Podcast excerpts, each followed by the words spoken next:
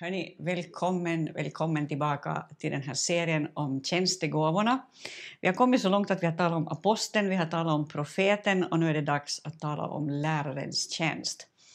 Och jag skulle vilja upprepa här i början något som jag nog har sagt flera gånger tidigare här redan och det är det att vi talar om väldigt praktiska gåvor. Om det här låter som en föreläsningsserie om några specifika, väldigt speciella Eh, speciellt utvalda personer som är liksom långt ifrån eh, den realitet som vi lever i eller de människor som vi har i vår egen församling, eh, då har vi missförstått det här eller då har jag på något sätt inte lyckats förmedla det här budskapet som jag tror att det är viktigt att vi får tag i. Nämligen att det handlar om, om vanliga människor som Gud reser upp i eh, församlingen, människor med en ledarfunktion och med en prägel som liknar lärarens eh, eller evangelistens eller apostelns eller profetens eller, eller så. Eh, och eh, ja, jag vill bara börja ur den här praktiska ändan därför att eh, jag inte vill att vi fastnar i någon slags missförståelse eller missförst ja, ett, ett missförstånd om att, att detta är någonting som inte gäller mig eller gäller dig utan det här gäller oss alla. och jag ska börja med att läsa den här texten som jag läste förra gången bara för att vi ska få tag i var vi startar och vad det här handlar om. Och jag tar det från första Korinthierbrevet 12 och jag läser från vers 28 och framåt där det står så här. Gud har, sin, Gud har i sin församling för det första satt några till apostlar, för det andra några till profeter, för det tredje några till lärare, vidare andra till att utföra kraftgärningar, andra till att få gåvor att bota sjuka, till att hjälpa, att styra och att tala olika slags tungomål. Inte är väl alla apostlar, inte är väl alla profeter, inte är väl alla lärare, inte utför väl alla kraftgärningar. Inte har väl alla gåvor att bota sjuka, inte talar väl alla tungomål, inte kan väl alla uttyda. Men sträva efter de nådegåvor som är störst. Och nu visar jag en väg som vida överträffar alla andra.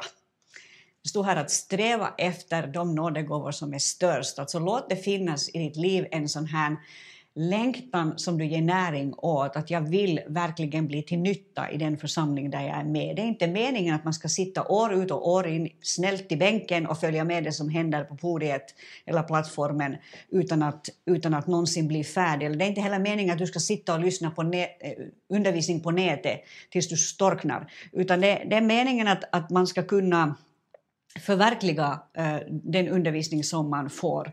Och, och, jag är lite frustrerad om jag är ärlig, jag är lite frustrerad över all den här enorma mängden undervisning som just nu finns på nätet där vi i praktiken om man är 70-plussare och man är hemma hela dagen och inte har något jobb att gå till så kan man surfa från predikan till predikan, från undervisning till undervisning och på något sätt ge näring eventuellt åt den här tanken att jag behöver ännu mer, jag kan inte tillräckligt och så vidare.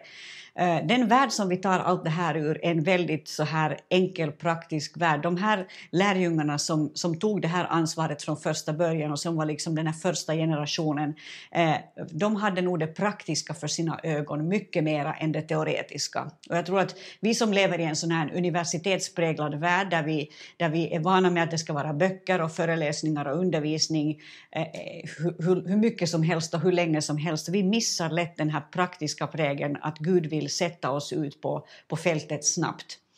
Äh, jag minns när jag, när jag var 18 år och skulle få körkort eller skulle börja äh, i bilskolan. Och jag hade på något sätt haft den där föreställningen att, att när man far på bilskola så, så, får man först den teoretiska delen och så är det liksom många timmar teori och sen i något skede när man har svalt alla de där teoritimmarna så då säger läraren kanske ändå att nu ska vi försöka oss på att gå ut och köra. Och jag fick mitt livs chock när jag hade varit på den första Eh, teoritimmen eh, och läraren efter det sa liksom att, att, och det gällde förstås alla som, som var med där och det här var då för hundra år sedan, det kanske ser ut på annat sätt idag men, men, men det var alldeles där i början så sa han bara att, att okej okay, nu prickar vi in en första körning på stan. Jag tänkte det här är fullständig katastrof, de kan inte sätta mig i stan, att det, det, liksom, det, det kan inte sluta väl.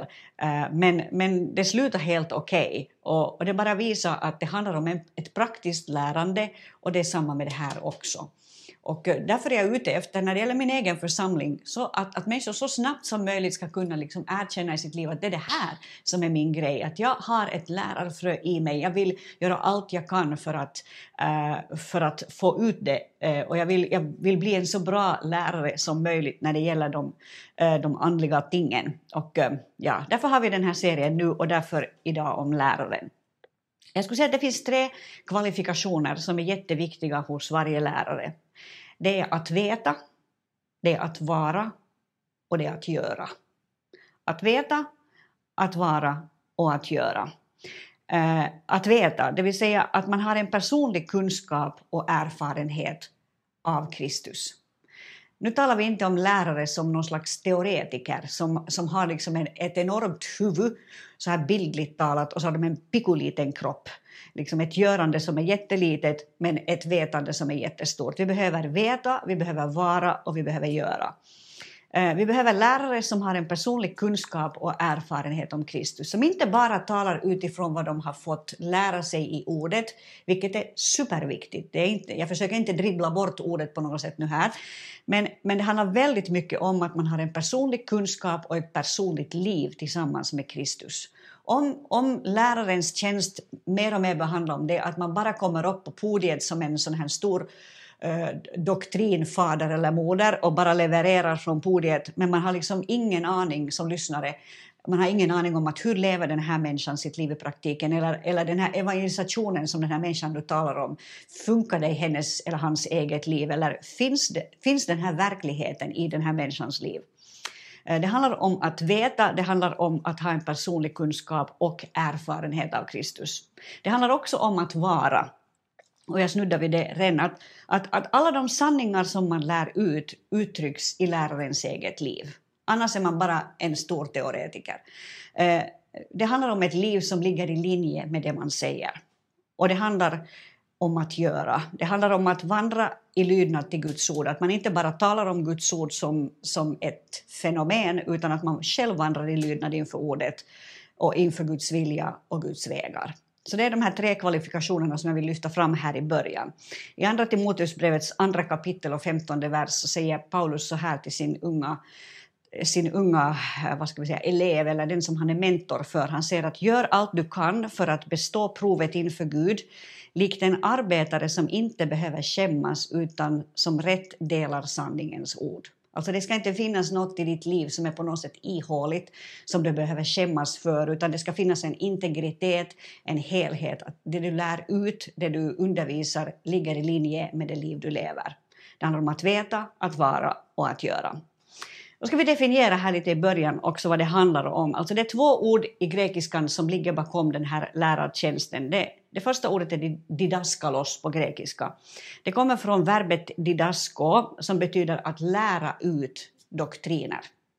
Lära ut doktriner. Och det är ju alltså en av de här gåvorna, de här tjänstegåvorna som ska utrusta de heliga till tjänst. Det, det som de heliga behöver, det är inte det enda de behöver. De behöver allt det här som de här fem tjänstegåvorna levererar. Men, men det som läraren ger, det är liksom en, en bred kunskap i ordet, som samtidigt, en kunskap som samtidigt ligger eh, som en sån här praktisk prägel i lärarens liv. Så det handlar om en bred kunskap, men det handlar också om att man på ett pedagogiskt sätt kan förmedla den här kunskapen och att det bottnar i ett liv som är i linje med det som man undervisar. Jesus själv var lärare. Det står i Markus 12 och 14, jag ska snabbt citera det här, där det står om, om Jesus att man ansåg att han också var en lärare. Eh, det står så här, de kom till honom och sade, Mästare, vi vet att du är trovärdig och inte tar parti för någon utan behandlar alla lika.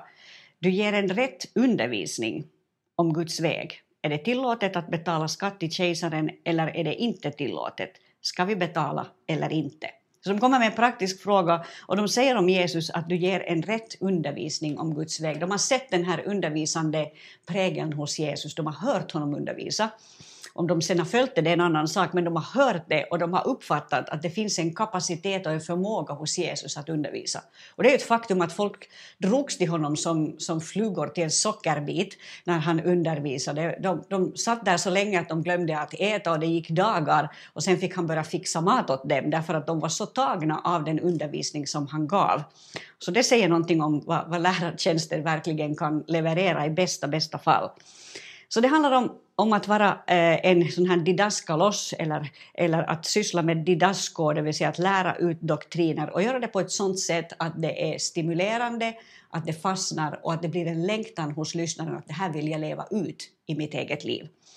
Eh, det andra grekiska ordet som jag vill lyfta fram är ordet matetes, eh, och som, som handlar om att, att man lär sig någonting genom att följa lärarens undervisning. Det handlar mer om en sån här praktisk, på, på engelska skulle man säga situational training, eh, eller situational teaching. Alltså det handlar om att lära sig genom att observera och göra. Och det här är nog en väldigt viktig aspekt därför att, att det Jesus är ute efter är ju inte liksom ett lärande som handlar om att man ska få en examen en dag och så att man kan säga att jag har, jag har suttit under den och den undervisningen så nu har jag liksom ett stort huvud och jag har alla teorier, de sitter helt på, på, på rade, som vi brukar säga, utan, utan eh, målsättningen är ju att vi ska bli heliga som är utrustade till tjänst, eller hur? Som det står i Efesierbrevet 4. Målsättningen är att när läraren har varit på besök så handlar det inte bara om att mitt huvud har blivit större, utan det har påverkat mitt eget liv, min vandring med Gud. Jag har fått någonting som jag kan, som jag kan använda mig av.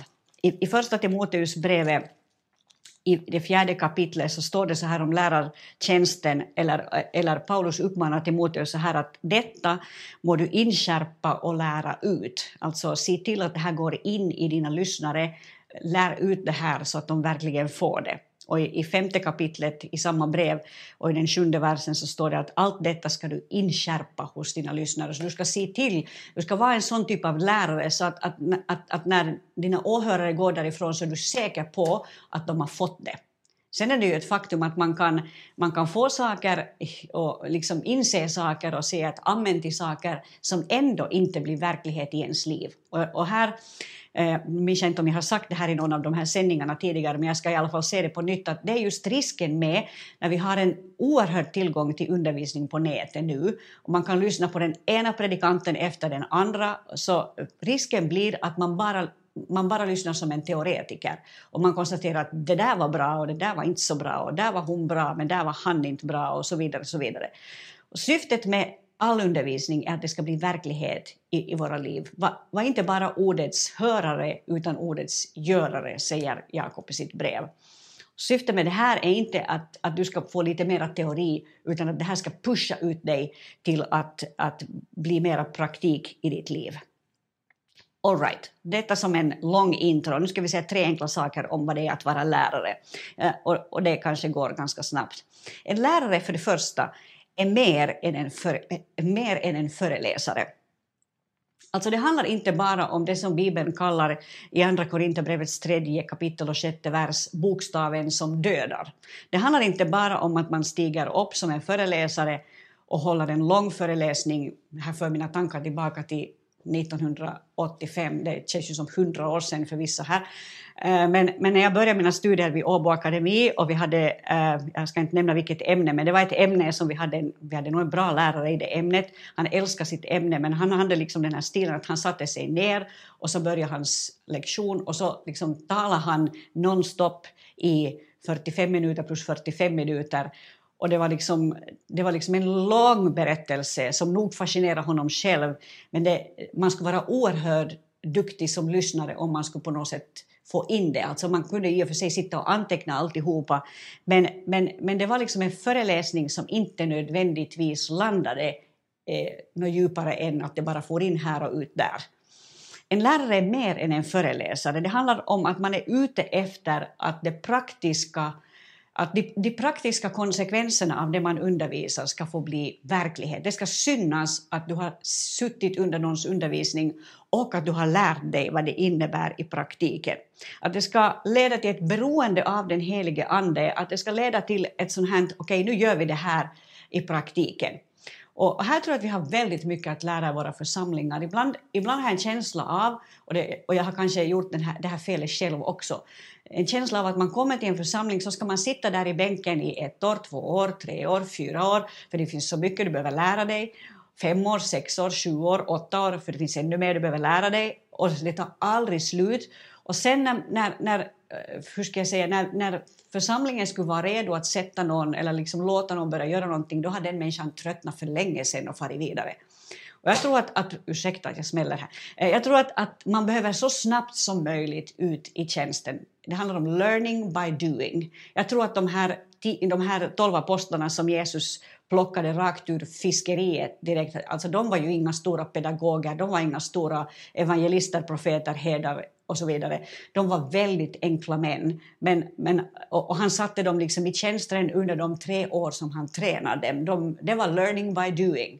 Och, och detsamma gäller här. Och, och därför tänker jag så här att om jag hittar lärargåvor, jag tror att jag hittar två nu när det gäller vår egen församling, kanske någon till ännu, så, så skulle jag vilja sätta dem, om de bara går med på det, in i arbetet så snabbt som möjligt. De behöver inte sitta här och lyssna till, till någon slags sån här scholar som ska tala till dem i hundra år och sen eventuellt så blir de liksom befordrade så att de får hålla en liten andakt någon gång. Utan det är, man lär sig genom alla de misstag man gör. Man lär sig egentligen bäst genom misstag. Gör så många fel som möjligt och du kommer att, att liksom vara pinsamt medveten om att det gick fel men eh, samtidigt så, så kan det ändå leda till att det blir rätt i slutändan. Jag tror att Gud på den här punkten, ursäkta att jag talar så snabbt men det är bråttom i livet. Jag tror att Gud på den här punkten är väldigt eh, tålmodig med oss. Att vi ibland har mycket mindre tålamod än han har. Vi kräver ibland det perfekta av varandra. Om någon vågar sig på att börja undervisa så sitter vi i värsta fall där i bänken redo att skjuta ner det som händer där så snabbt som möjligt om hon eller han säger ett fel eller gör någon teologisk groda eller vad som helst. Då och, och, don't misunderstand me. Jag är inte ute efter att människor ska servera teologiska grodor, vi ska inte säga någonting utan allt ska bara få liksom levereras, allt är lika bra. Det är inte vad jag säger, men jag säger det att människor lär sig genom att göra. Om, om vi skulle säga till ett litet barn som håller på att lära sig att gå och det misslyckas, de, det här barnet faller liksom de första gångerna. Om vi då skulle säga att det här kommer inte att bli till någonting i ditt liv, du ska inte gå nå. Det är helt uppenbart att du inte ska gå. Eh, så skulle vi ju liksom kapa av den möjligheten forever för det barnet. Alla som lär sig eh, gör misstag och det utrymmet måste finnas i en församling. Annars blir vi en, en skock med liksom hårdingar som inte ger utrymme för människors tillväxt. Nej, on. Nu blir jag lite vass i tonen här. Okay. Så en lärare är mer än en föreläsare. En lärare är ute efter att kunna leverera på ett sådant sätt att det blir verklighet i en annan människas liv. Man är, man är som lärare ute efter effektiva och kreativa sätt att förmedla ordet. Och eh, här, här tror jag att, att lärargåvan, och jag sitter inte själv med den gåvan eh, så hemskt mycket så jag har inte mycket att säga till om det här men, men jag tror att här har många lärargåvor mycket att bidra med. Det finns mycket av kreativitet hos lärare eh, som, som, som vi kan liksom få ta nytt, eller dra nytta av eh, när ordet kommer på ett sådant sätt att man märker att åhå, det var det här det betydde och det är det här jag kan starta med, det är de här stegen jag kan ta när det landar och det blir, det blir verklighet.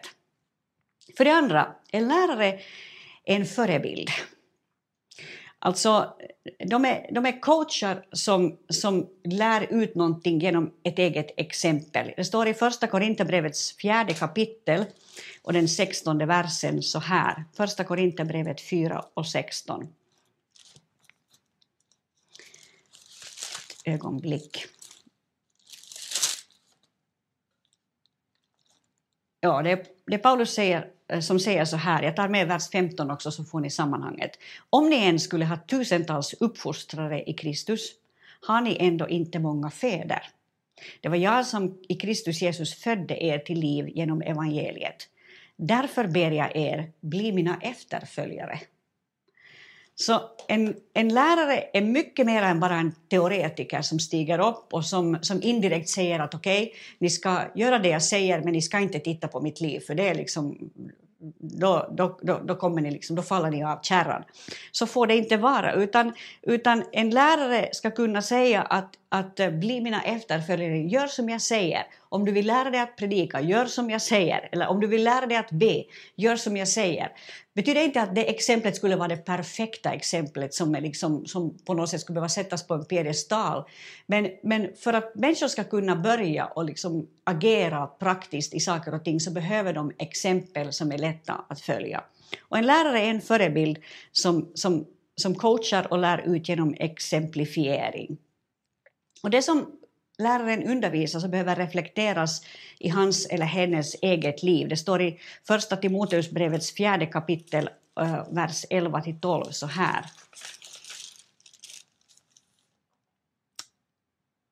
Detta ska du inskärpa och lära ut. Ingen får förakta dig för att du är ung, utan var ett föredöme för de troende i ord och gärning, i kärlek, i trohet och renhet.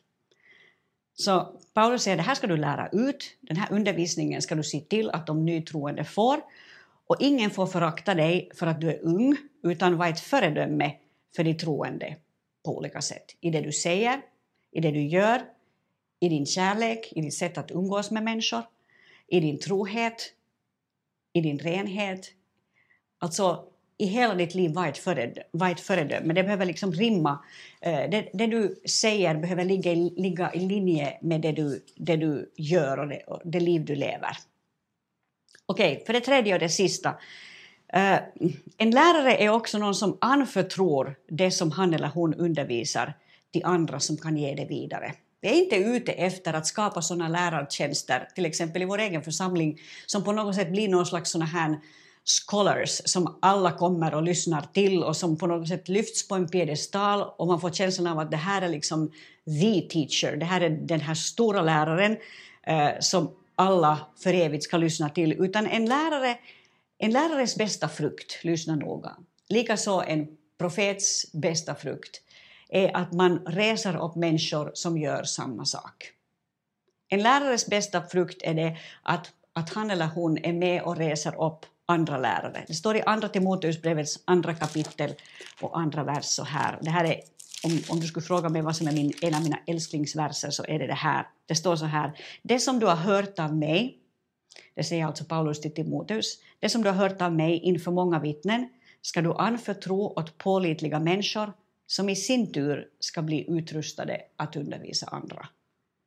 Så det som du har hört ger jag till dig, eller det som du har hört ger du till mig och jag ger det vidare till nästa person som ger det vidare till nästa person. Och på det sättet kan Guds rike gå vidare. Då, då slutar det inte med att vi har en församling som kanske har ett visst antal människor som sitter och beundrar en lärargåva eller en profetgåva eller vad som helst tills Jesus kommer tillbaka och det händer liksom ingenting annat med dem än att huvudena växer så det bara knakar och kropparna är jättesmå därför att det finns ingen praktik whatsoever i deras liv.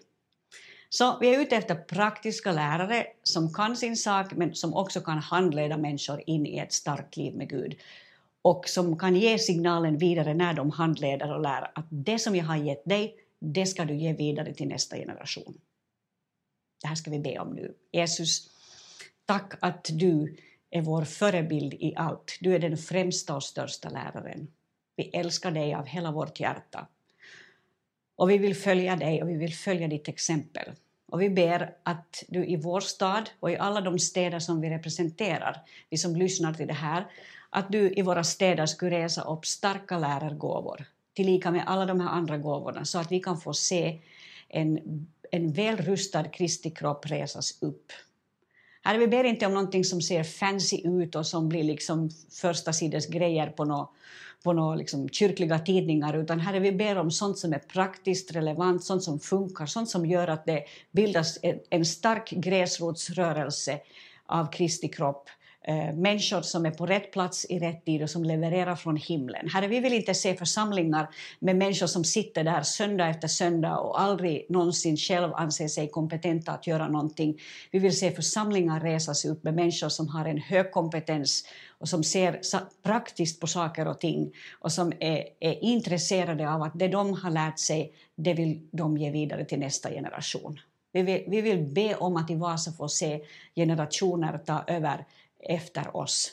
Herre Jesus, vi vill inte se ditt verk dö därför att ingen kom och tog stafettpinnen. Herre, res upp ett folk som kan ta stafettpinnen och föra ditt verk vidare. I Jesu namn. Amen.